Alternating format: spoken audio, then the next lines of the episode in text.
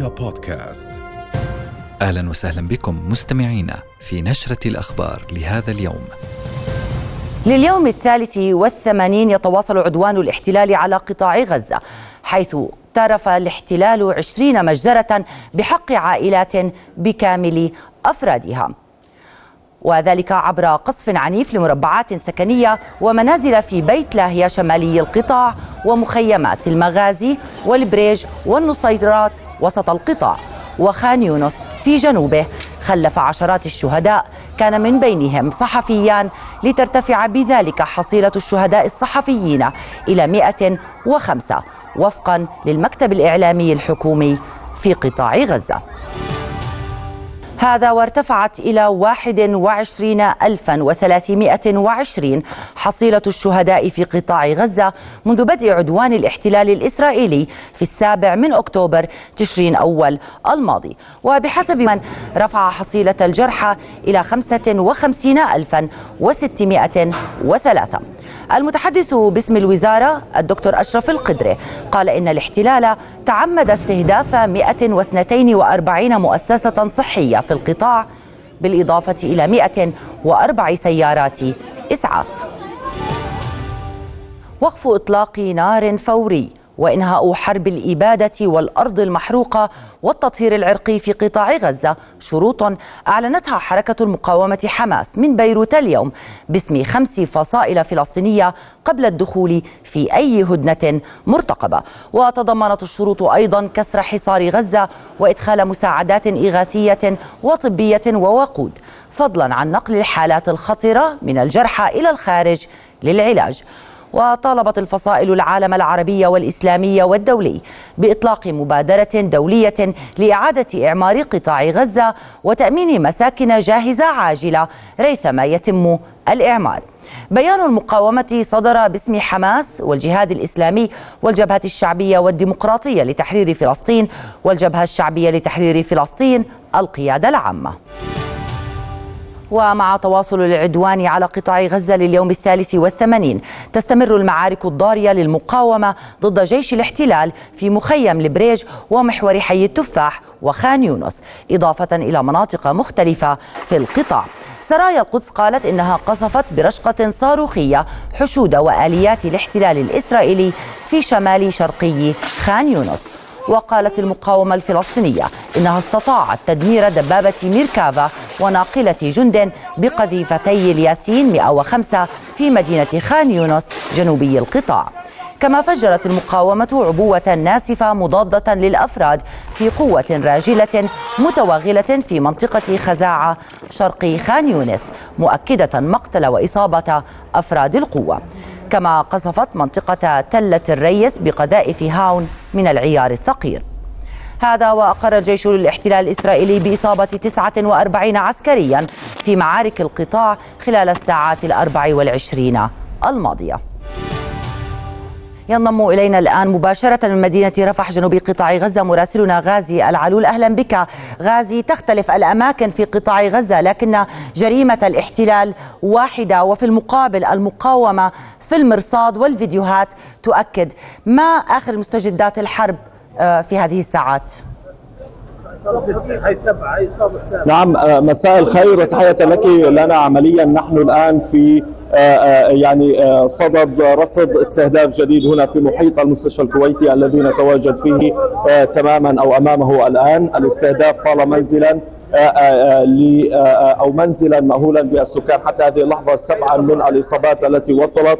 ها هي سيده الآن تصل مصابة نتيجة الاستهداف الذي كان في محيط المكان الذي كنا نتواجد فيه على بعد نحو 200 متر فقط وإصابات كبيرة أو كثيرة عفوا تصل حتى هذه اللحظة وسيارات إسعاف الآن تهرع للمكان وتأتي بالاصابات من مكان الاستهداف في القرب أو في محيط المستشفى الاندونيسي هذه الصور قاسية للغاية خاصة أن كل من وصل الآن هم فقط يعني من النساء والأطفال. وهنا إصابات جديدة تصل لشاب مدني كان يتواجد في أحد المنازل أو في مربع المنازل المستهدفه بطبيعه الحال لنا الوضع هنا مأساوي للغاية، هذه رفح التي يتحدث عنها الاحتلال.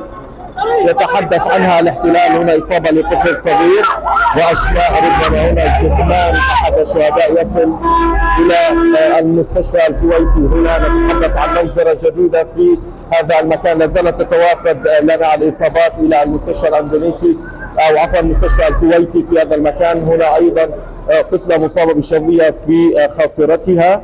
والاستهداف يعني حتى هذه اللحظة كل الإصابات نتحدث عن قرابة 12 إصابة وصلت إلى المستشفى الكويتي وكلها من الأطفال والنساء هنا يصلون بطبيعة الحال في وضع كارثي للغاية.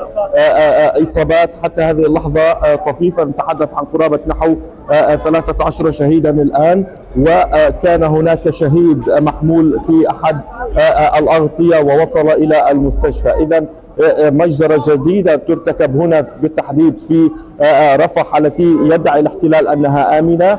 في محيط مستشفى يقدم الخدمات الصحية في مكان يتواجد فيه عشرات الصحفيين الذين ينقلون الصورة. كان هناك تحليق مكثف طوال اليوم لطائرات الاحتلال وطائرات الاستطلاع وهذا بطبيعة الحال يفسر بأن النوايا كانت واضحة منذ بداية هذا اليوم. لاستهداف جديد. هنا لا زالت آه، بطبيعة الحال الإصابات هنا شهيدة جديدة. وهذه منطقة كان من المفترض أنها منطقة آمنة. أليس كذلك؟ يعني لنا لو طل... نعم لنا لو تلحظين كم المواطنين الذين يتواجدون في هذا المكان يفسر بطبيعة الحال عدد آه، المواطنين الذين نزحوا وتواجدوا في آه، رفح هذه المحافظة التي باتت. يعني تستوعب قرابة مليون آه، مواطن فلسطيني مع استمرار عمليات النزوح من شمال القطاع إلى جنوبه وكذلك من المحافظات الوسطى التي هددت هنا إصابة جديدة ل يعني طفلة. أو أطفال أطفال يصلون لنا هنا أطفال أطفال كثر يصلون. نتيجة هذا الاستهداف ولا زالت الأعداد تتوافد. هنا شهيد جديد لنا. هذا شهيد جديد.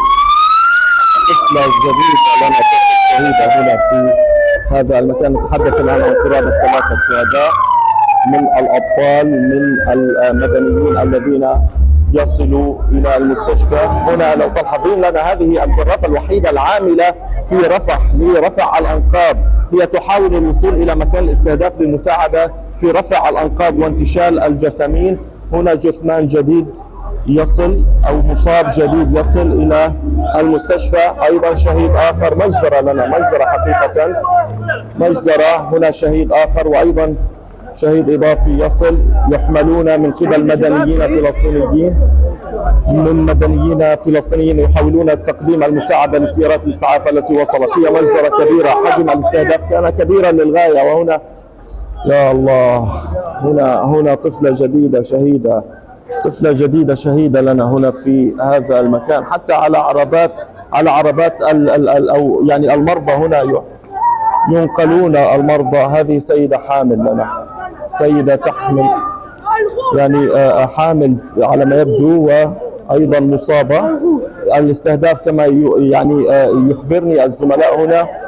شهيد جديد. يخبرني الزملاء بأن هذا الاستهداف طال منازل عديدة في مخيم بالتحديد خلف المستشفى الكويتي. يبعد فقط نحو 200 متر فقط. الاستهداف كان عنيفا للغاية.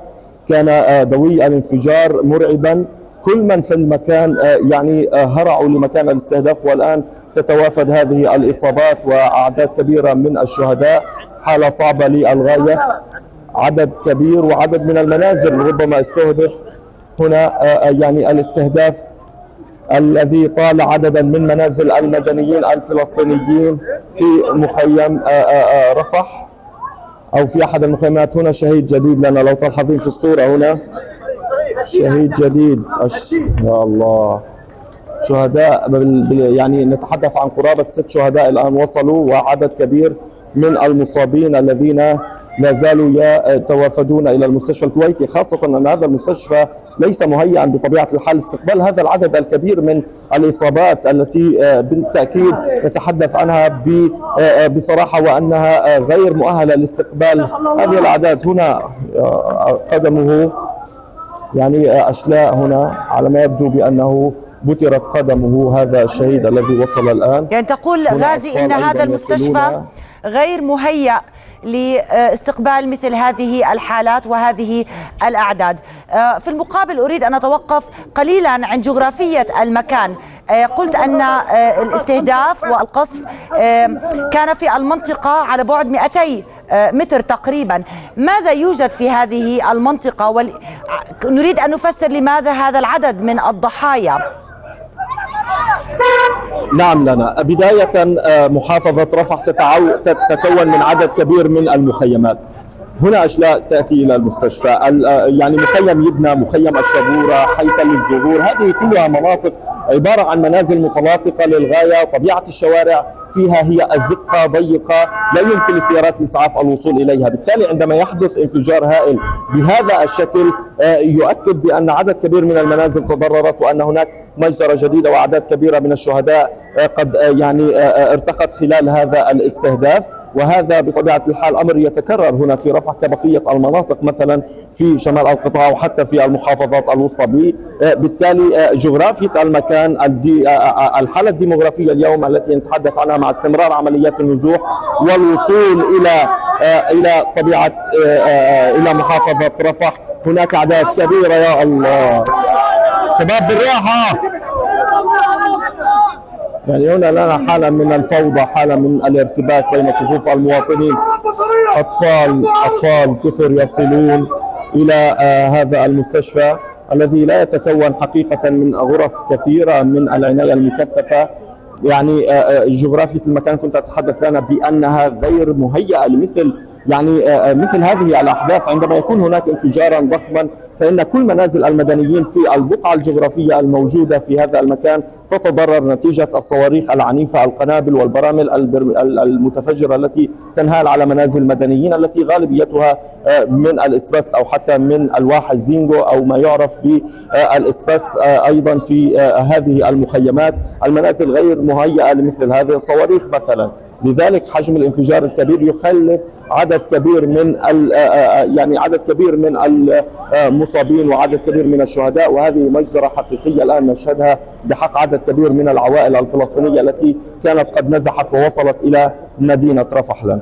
نعم والمستشفيات يعني الآن يتوجه المواطنون بجرحاهم وشهدائهم إلى المستشفى الكويتي ألا يوجد مستشفيات أخرى في محيط هذه المنطقة؟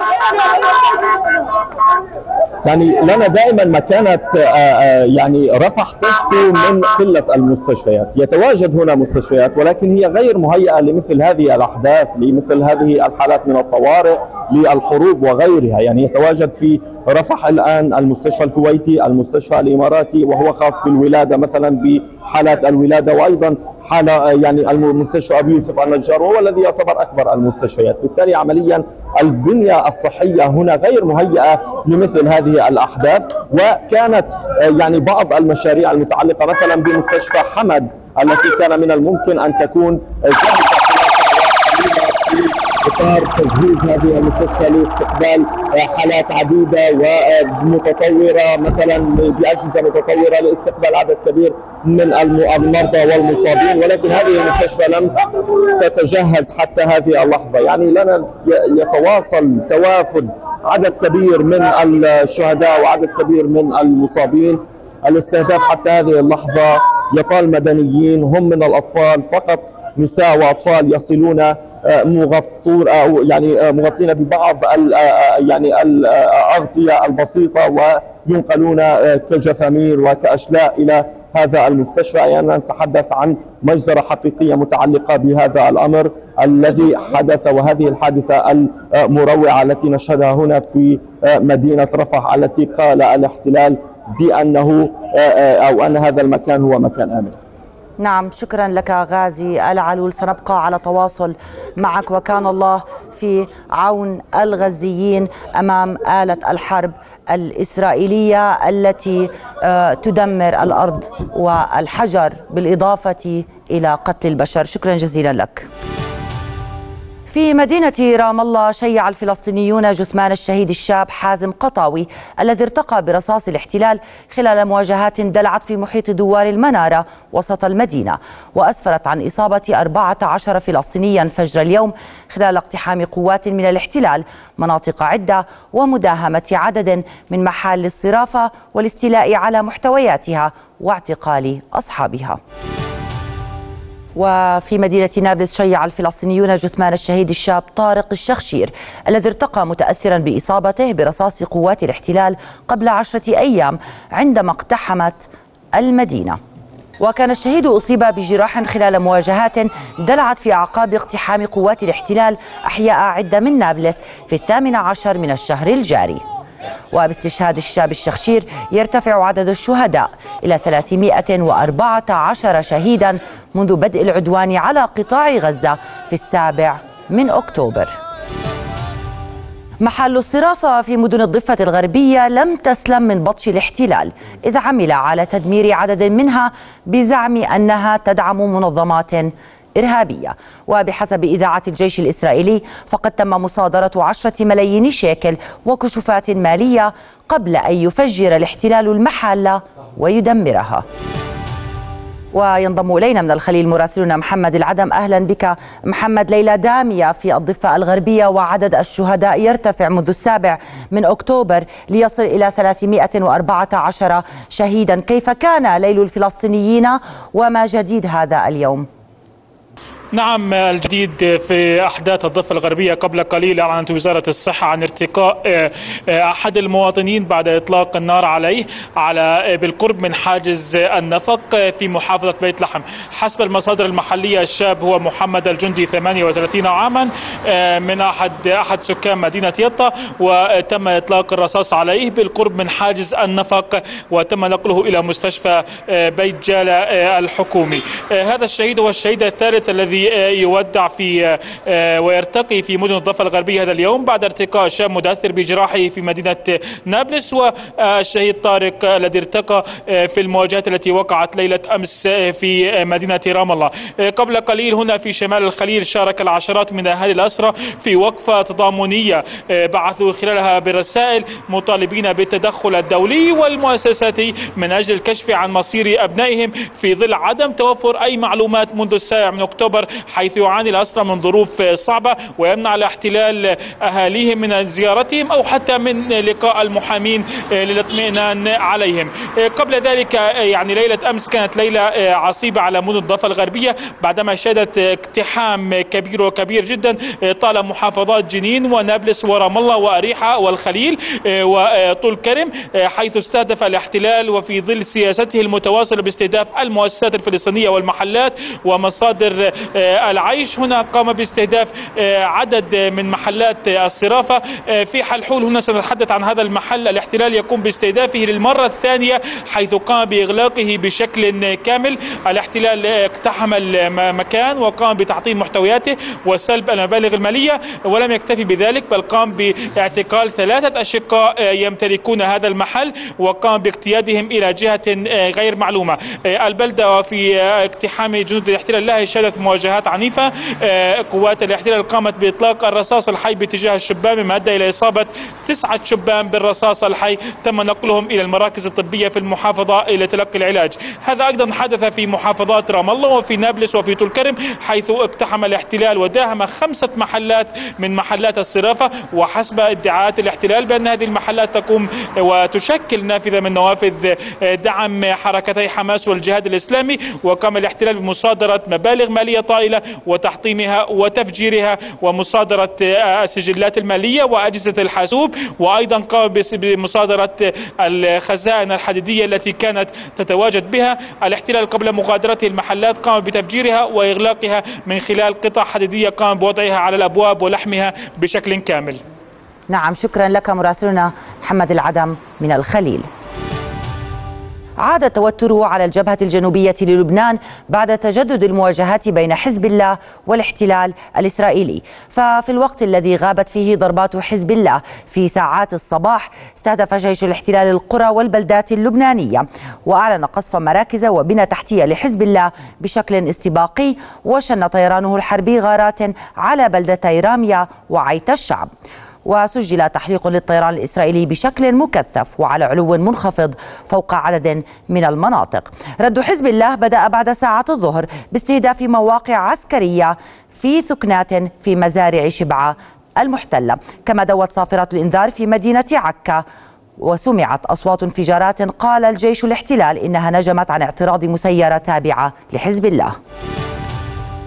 أهلا بكم في الحقيبة الاقتصادية. يجري حمدان عايش قراءة في أسعار النفط مع اشتعال جبهات المنطقة. إليك حمدان. شكرا لنا.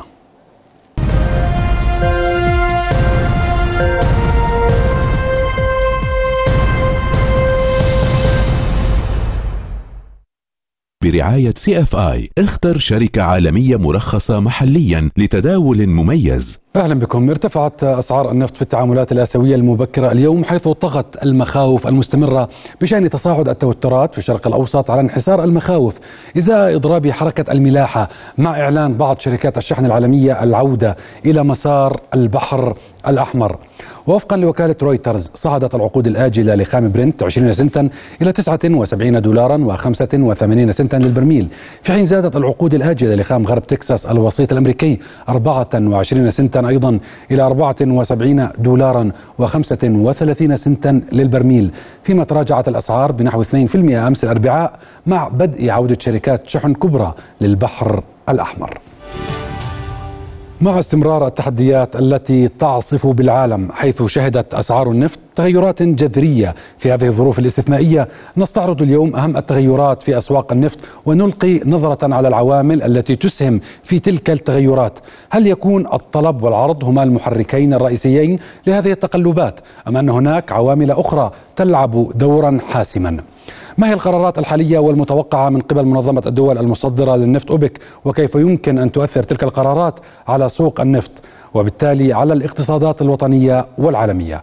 للحديث حول هذا الموضوع ينضم إلينا عبر الهاتف الخبير النفطي هاشم عقل. أهلا بك سيد هاشم.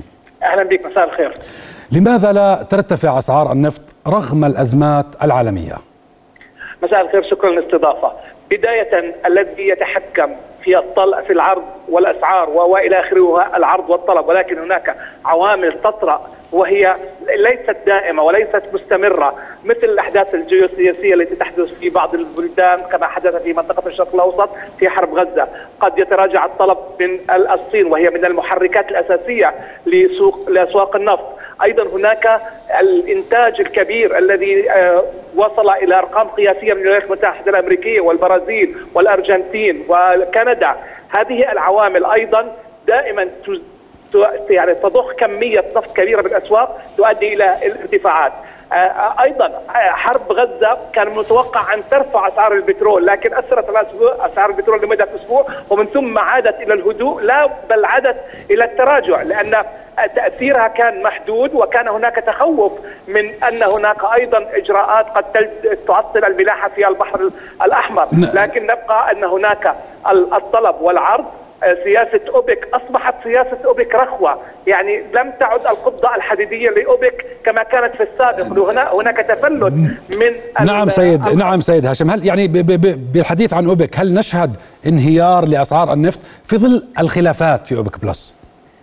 ممكن جدا هذه أن تحدث إذا لم ترتفع أسعار النفط حسب التخفيضات الطوعيه التي لجأت اليها السعودية بالإضافة إلى بعض الدول الأخرى، إذا لم لم تؤدي إلى نتيجة إيجابية ورفعت أسعار النفط قد تعود السعودية إلى الضخ الكبير العالي جدا جدا ومن ثم تغرق الأسواق برفض رخيص، في هذه الحالة يتأثر النفط الأمريكي ويتوقف عن الإنتاج ومن ثم تعود الأسعار لتقفز قفزات كبيرة، لكن هذه الخطوة يعني ليست بالسهولة بمكان أن تلجأ إليها السعودية لأن أيضا هناك أعضاء في أوبك لهم رأي آخر في إغراق الأسواق والعودة إلى الحرب كما حدث آه، مرتين في السابق في عام 2014 في عام 2019 نعم. بشكل سريع سيدي ما هي المخاطر لإغلاق باب المندب على الطاقة في الأردن؟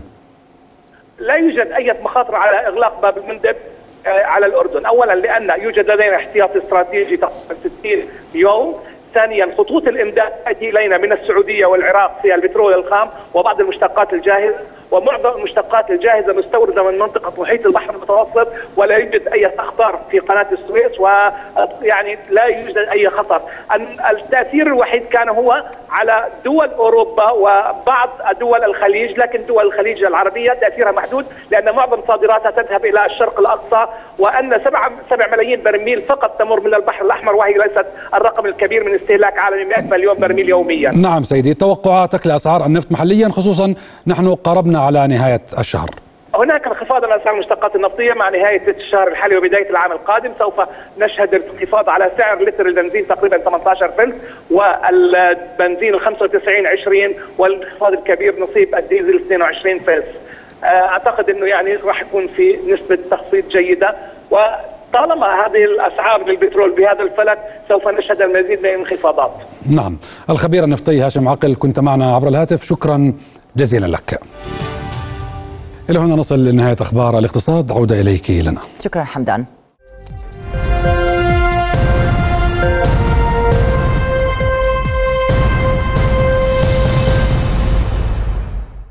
ينفذ أردنيون في هذه الأثناء وقفة في منطقة الرابية في العاصمة عمان رفضا وتنديدا بجرائم الاحتلال بحق الفلسطينيين في غزة والضفة.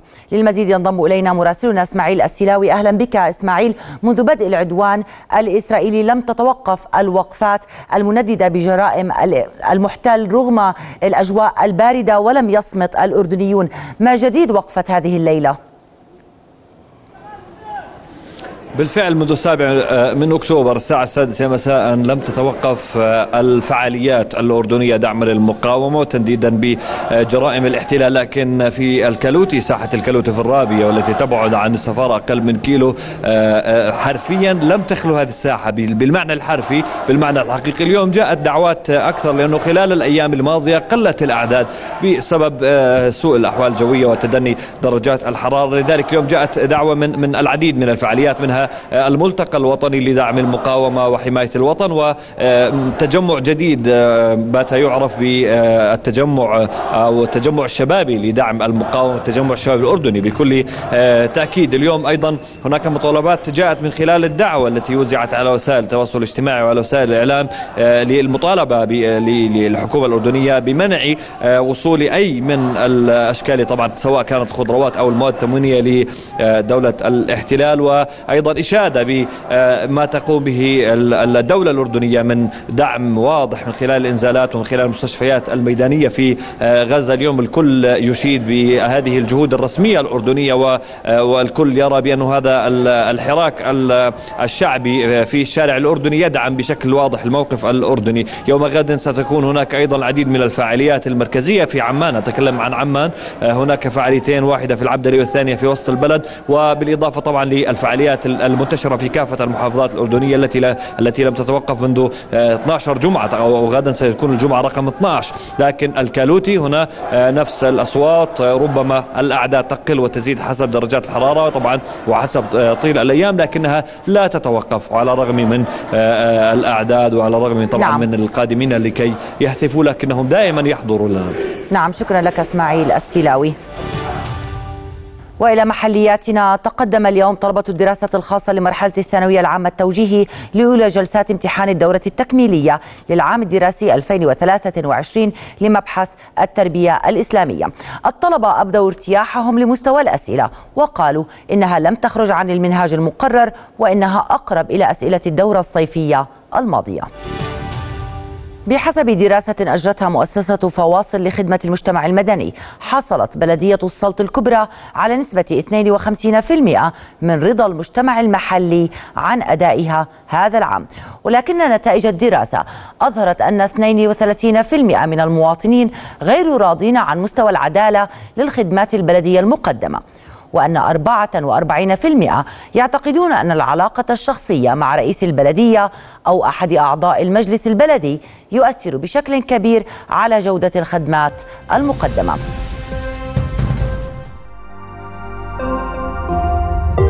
رؤيا بودكاست.